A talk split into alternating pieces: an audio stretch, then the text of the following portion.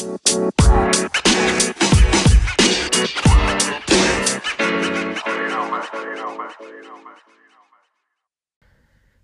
guys, balik lagi kali ini di cerita bisnis. Hari ini aku William. Nah hari ini kita mau ngomongin soal tipuan Instagram. Apa tuh maksudnya? Nah, tipuan Instagram tuh menurut aku gini. Banyak orang hari-hari ini adalah kepengen banget buka bisnis online gitu kan. Buka toko online, buka jasanya online. Jadi macam-macam gitu. Dari orang tuh berharap untuk dapetin pasar Instagram tuh yang gede banget gitu kan. Aku lupa di Indonesia itu ada berapa. Kalau nggak salah 60 juta orang atau berapa gitu yang pengguna Instagram gitu kan.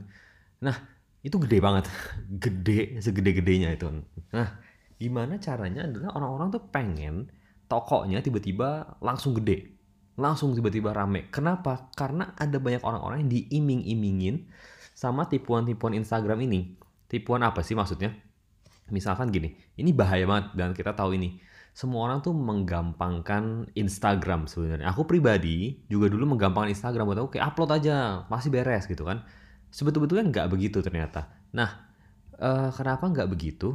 Karena semakin hari ya Instagram kan orangnya makin banyak, ya kan?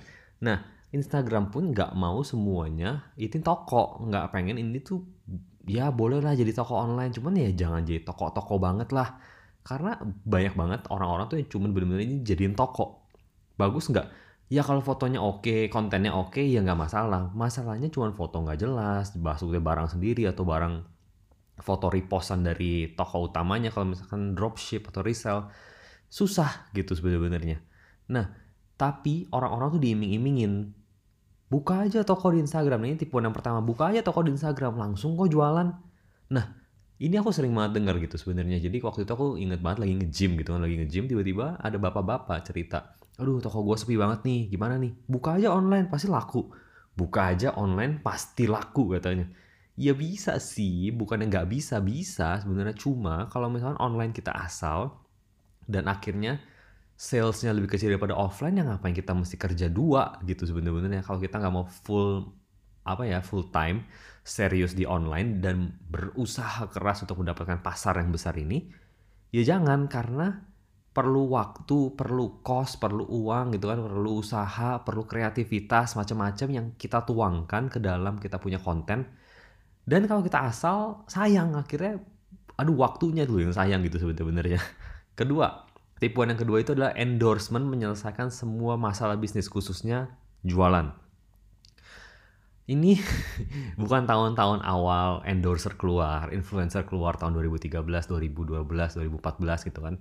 Di tahun-tahun itu aku ingat banget aku punya temen waktu itu kita masih kuliah bareng 2012 kalau nggak salah dia buka toko online. Pertama kali dia buka tuh di mana ya? BBM BlackBerry Messenger gitu kan laku, wih meledak gitu kan tiba-tiba BBM habis berubah semua orang pindah ke Instagram attention berubah jadi ingat attention itu penting attention berubah dari BBM pindah ke Instagram nah di sana dia salah satu toko yang baru mulai juga awal-awal 2012an kenapa aku ingat karena waktu itu kita lagi di kelas bareng kita lagi di kelas udah nanya mendingan gue buka toko namanya apa ya gitu kan nah habis itu zaman itu gampang banget buat dia jualan. Dia tinggal bayar seseorang untuk endorse, tiba-tiba bu bu bu meledak. Kenapa? Karena endorser nggak banyak. Uh, udah begitu apa ya opini karena kan endorser itu kan sebenarnya kita sebutnya kan kalau lebih teknisnya kita sebutnya KOL gitu kan. Nah ini kan sebenarnya opini gitu kan. Nah opini ini dulu nggak sebanyak opini hari-hari ini. Nah opini yang dulu pun mungkin dulu mungkin bohong tapi terasanya bener hari-hari ini kita juga udah semakin males dengerin influencer yang nggak jelas nggak jelas tiba-tiba bilang uh baju ini enak uh makanan ini enak pasti enak belum tentu namanya juga enak namanya juga bagus. Kan relatif. Cuma kalau zaman dulu memang lebih gampang. Jadi jangan paksakan zaman sekarang untuk terus-terusan endorse meskipun jalan nggak endorse. Buat aku masih jalan tapi ini nggak menyelesaikan semua masalahnya. Kalau di dalamnya kita masih belum beres. Maksudnya apa sih? Maksudnya gini, endorse itu adalah salah satu bentuk dari kita cari traffic masuk ke dalam kita punya toko, which is uh, account feed kita gitu kan, account Instagram kita. Nah, kalau misalnya gini, seandainya kita punya toko atau feed kita kurang oke, okay, traffic masuk nih, oke okay, banyak traffic masuk ke endorser kita banyak kok tapi mau nggak sih mereka tuh sebenarnya follow saat mereka lihat kita punya account feed yang misalkan masih kurang oke okay? kemungkinan kan males gitu aku aja males gitu misalkan kayak toko di endorser endorser pasti foto bagus influencer foto pasti luar biasa banget beberapa bahkan pakai fotografer. Niat. Tapi kalau endorser bagus influencer luar biasa toko kita nggak menyesuaikan dengan level mereka drop. Percayalah. Jadinya orang tuh udah kayak abis bilang wih gila dia pakai baju ini bagus banget gue juga mau beli ah. Pas lihat tokonya lah lah kok tokonya jadi begini? Kok gambarnya jadi beda sama yang dipakai? Nah itu baru ada apa ya disappointment lah antara endorser dengan toko aslinya makanya ter apa ya timbullah pemikiran oleh orang-orang bahwa oh di endorse itu bajunya pasti jadi lebih bagus dibandingkan aslinya percayalah itu nggak cuma aku doang yang berpikir karena teman-teman aku berpikir begitu nah ketiga pasang iklan langsung jualan. Bener? Bisa, might be gitu. Kenapa? Karena ya kalau misalkan sekali lagi ya kita punya account fit toko kita oke, okay, why not? Pasti bisa.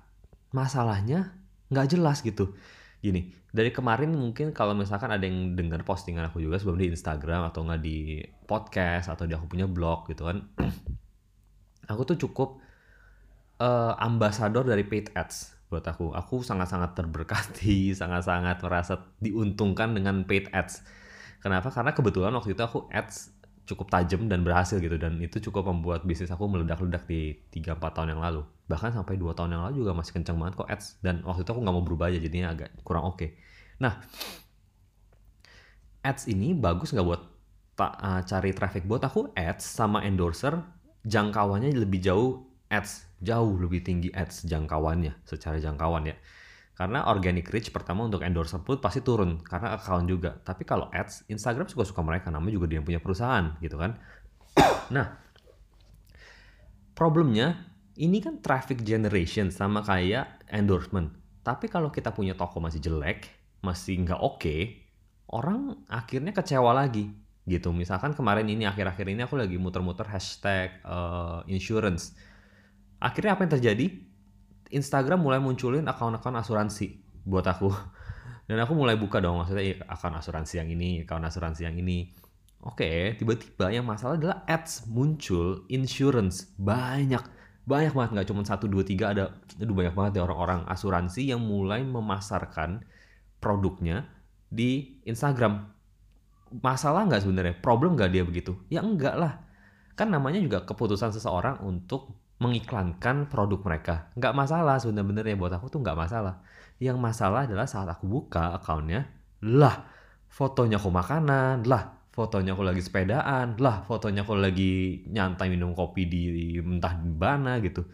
Akunnya soal asuransinya di mana? Kenapa nggak ada hal-hal tentang asuransi di sini yang gue pengen cari tahu? Nah nggak ada kan? Ya udah, akhirnya apa yang terjadi? Ya udah back lah, yang nggak jadi follow lah, ngapain orang nggak jelas pokoknya cuma ditulis aja asuransi leader uh, agency director atau apa pun gitu kan. Ya udah nggak kepengen. Kenapa? Karena nggak jelas. Gue nggak ya apa aku juga nggak belajar apa-apa dari sana gitu kan. Kita kan pengen kenalin dulu review dulu produknya gitu baru kita kontak orangnya. Lah ini aja kagak ada yang bisa di review di dalam akalnya. Makanya iklan sayang akhirnya uangnya gitu. Keempat konsisten aja posting. Nanti juga jualan. Konsisten tuh bagus di Instagram. Konsisten itu sangat-sangat penting di Instagram karena algoritmnya melihat hal itu. Semakin banyak orang misalkan kita punya konten A di like sama uh, si C, D dan E. Besok kita upload lagi konten. Nah konten kita akan di like lagi gak sama si C, D dan E atau bahkan mungkin di like sama si G, H sama I. Nah ini semua ada perhitungan di Instagram yang bikin uh, apa ya namanya ya Instagram tuh ngeliat interest gitu kan jadinya oh si C dan C D dan E ternyata sukanya misalkan sama konten soal Instagram organic growth. Tapi H G sama I sukanya ngomongin soal bisnis online. Akhirnya apa? Akhirnya konten aku yang soal Instagram growth yang nggak akan dimunculin ke H G sama I. Dan sebaliknya gitu. Jadi konsisten posting tuh penting sebenarnya masalahnya bagaimana kita posting konten apa yang kita keluarkan. Itu ya jadi masalah. Misal, kita cuman upload misalkan, oh ya, kita buka les-lesan bahasa Mandarin. Isinya konten yang sama hari yang ini, besok konten yang sama hari itu, Ta uh, hashtagnya sama, captionnya sama, dibuat berkali-kali setiap hari. Jualan kah? Mungkin, mungkin. Tapi Instagram mungkin gak ban. Mungkin, sangat mungkin di, dianggap sebagai spam. Akhirnya apa? Kita mau upload 100 kali pun shadow ban sampai selama-lamanya nggak akan ada orang yang lihat gitu. Akhirnya apa? Sia-sia lagi waktunya gitu. Jadi buat aku itu beberapa bentuk tipuan-tipuan yang orang tuh bilang konsisten postingnya cuma nggak dikasih tahu apa yang mau dipost akhirnya orang asal asal post gitu nah itu sayang buat aku karena banyak bener-bener banyak banget orang itu yang bilang konsisten posting tapi nggak dikasih tahu apa yang diposting akhirnya orang-orang asal post akunnya kena shadow ban bye bye nggak bisa jualan lagi sekarang gitu loh itu yang bahaya sebenarnya nah kelima Instagram itu gampang kok Hmm, ini pemikiran aku. Instagram gampang kok, desain gampang tinggal pakai Canva. Aku dulu punya beberapa desainer, kayaknya empat kali ganti desainer kalau aku nggak salah ya. Aku lupa lupa itu bener nggak ya? Satu, dua, tiga. Oh ya bener empat. empat designers. Aku ngomong ke hal yang sama ke empat designers. Aku bilang gini, udahlah nggak usah pakai eh, apa Adobe Illustrator, pakai Photoshop dan lain-lain nggak perlu pakai Canva aja. Pokoknya gue mau cepet, pak pak pak pak pak dan selesai itu aku pikir tuh gitu. Secara kita orang bisnis kita berpikir efisiensi dan efektivitas dan aku masih berpikir begitu sebenarnya buat aku. Tapi dengan aku upload konten setiap hari yang hari-hari ini aku bikin, aku tuh ngabisin satu konten itu bisa satu, dua, kadang-kadang dua jam setengah, kadang-kadang sama blog jadi tiga jam. Buat aku blog gampang, apalagi bikin podcast ini juga buat aku paling blog paling lama banget tuh setengah jam, cuman biasa 15 menit tuh beres kalau podcast, ya paling 15 menit selesai gitu kan. Instagram 2 jam. Jadi Instagram tuh gak gampang. Instagram itu udah nggak segampang dulu di mana kita upload apa pun bisa laku gitu kan. Sekarang Instagram melihat uh, relevansi seberapa ini tuh cocok, seberapa ini tuh bagus, seberapa ini tuh oke okay untuk orang-orang lihat. Kenapa? Karena lagi yang aku pernah cerita mungkin di podcast ini aku, atau belum nggak tahu ya lupa ya seberapa orang itu menikmati konten kita itu akan menentukan seberapa uang yang Instagram dapat sebenarnya. Kenapa? Karena artinya valuationnya akan naik, usernya akan bertambah, dan usernya spend lebih banyak waktu di salah satu konten, ya konten itu akan terus dinaikin sama Instagram. Nah, sekarang kita bikin konten asal, kontennya nggak menarik, nggak kasih value, satu dua detik juga hilang orang scroll over satu dua detik kenapa karena attention spam seseorang di Instagram paling lambat itu tiga detik dan itu tuh udah udah oke okay banget lah kalau kita bisa hook dalam tiga detik dan you are doing a good job gitu sebenarnya. Problemnya tiga detik itu penting. The first three seconds are important sebenarnya. Karena konten kita lanjut dilihat atau enggak tergantung dari sana. Hooknya kita berhasil atau enggak. Nah, kalau misalnya kita bilang Instagram gampang kok, bikin aja pakai Canva asal atau bikin aja pakai apa asal gitu kan. Ya, aku bukan bilang orang-orang yang pakai Canva asal ya. Cuma aku dulu kalau bikin pakai Canva asal, template ada, ganti tulisan dan selesai. Sayang gitu akhir-akhirnya kita ngepost engagement rate-nya rendah, akhir-akhirnya ya orang gak ada yang suka gitu. Maksudnya gini, sekali lagi ya, sekali lagi desain buat aku relatif. Ada orang yang bilang ini desainnya susah, jadi harus dihargai dan harus bagus tapi ada orang juga yang bilang gini, desain lu susah bikinnya bener, tapi gue gak suka. Ada yang bikinnya simple, tapi orang suka gitu kan. Nah, jadinya mesti gimana dong kalau gitu ya tergantung tergantung audiens kita lagi sekali lagi gitu kan. Karena audiens kita meleset, ya akhirnya kontennya nggak kena juga akhirnya gitu kan. Nah, kalau udah nggak kena gini, bukan berarti kita harus bikin susah sebenarnya. Cuma kita bikin gampang nggak masalah asal kita tahu audiens kita pingin konten seperti itu. Bikin susah-susah juga uh, kalau nggak pas sayang. Nah, yang bikin susahnya dari Instagram bukan masalah desainnya doang. Yang susahnya lagi dari Instagram adalah researchnya. Kita teliti, kita punya audience itu maunya apa. Itu yang susah gitu karena itu perlu A/B testing terus-terusan split testing, A/B testing konten yang konten yang ini kira-kira oke okay nggak, konten yang ini cukup nggak, caption yang ini bagus nggak, hashtag yang ini bekerja nggak, dan itu nggak gampang gitu sangat-sangat gak gampang. Keenam, tipuan yang keenam adalah kita nggak perlu strategi. Lah, kok tipuan yang keenam nggak perlu strategi? Kenapa?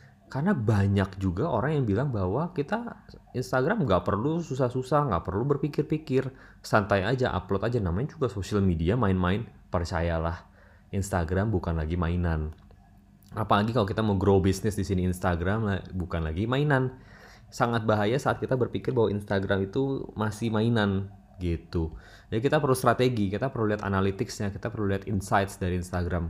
Jam berapa orang uh, lihat konten kita, konten apa yang dilihat, uh, reach-nya berapa banyak, impression-nya berapa banyak, profile visit ada berapa, itu semua perlu kita cek semua datanya dan kita perlu pasang strategi di sana. Kalau enggak, sekali lagi scroll over, exit, buy, gitu loh.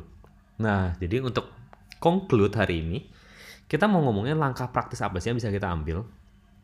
Langkah praktisnya adalah kita sadarin dulu bahwa kita ini lagi kena tipu orang-orang. Orang-orang bilang Instagram gampang lah, santai aja mainnya itu itu nggak bener.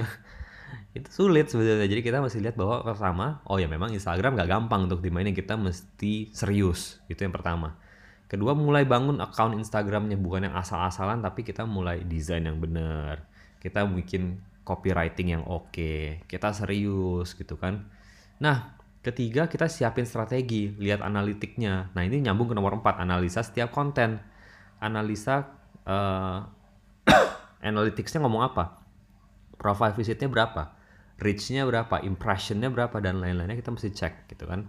Nah, kita lihat setelah kita cek, kita lihat yang mana yang berhasil nih. Oh, yang oke okay, ternyata konten-konten kayak gini nih. Ya udah double down yang berhasil gitu kan. Double down itu artinya kita lipatin dua kali yang yang berhasil gitu kan yang keenam kita ngapain? Selesai. Rinse and repeat gitu. Rinse and repeat. Lakuin aja yang sama lagi. Siapin strategi lagi. Analisa lagi. Double down lagi yang berhasil. Nah dari sana baru kita pelan-pelan grow, pelan-pelan grow, dapetin koneksi lagi, dapetin koneksi lagi, dapetin followers lagi, dapetin profile visit lagi. Nah kira-kira itu caranya untuk kita paling nggak ya escape dari tipuan-tipuan Instagram gitu menurut aku sih gitu. Jadi thank you banget buat teman-teman yang udah stay dan aku nggak tahu sih berapa yang masih stay untuk dengerin sampai sini. Tapi thank you banget buat yang udah dengerin. Dan kita akan ketemu lagi di episode berikutnya di cerita bisnis di mana kita ngomongin Instagram, online business dan all kind of stories about business. So, ini William dan I'm off. Goodbye dan kita ketemu lagi di episode berikutnya.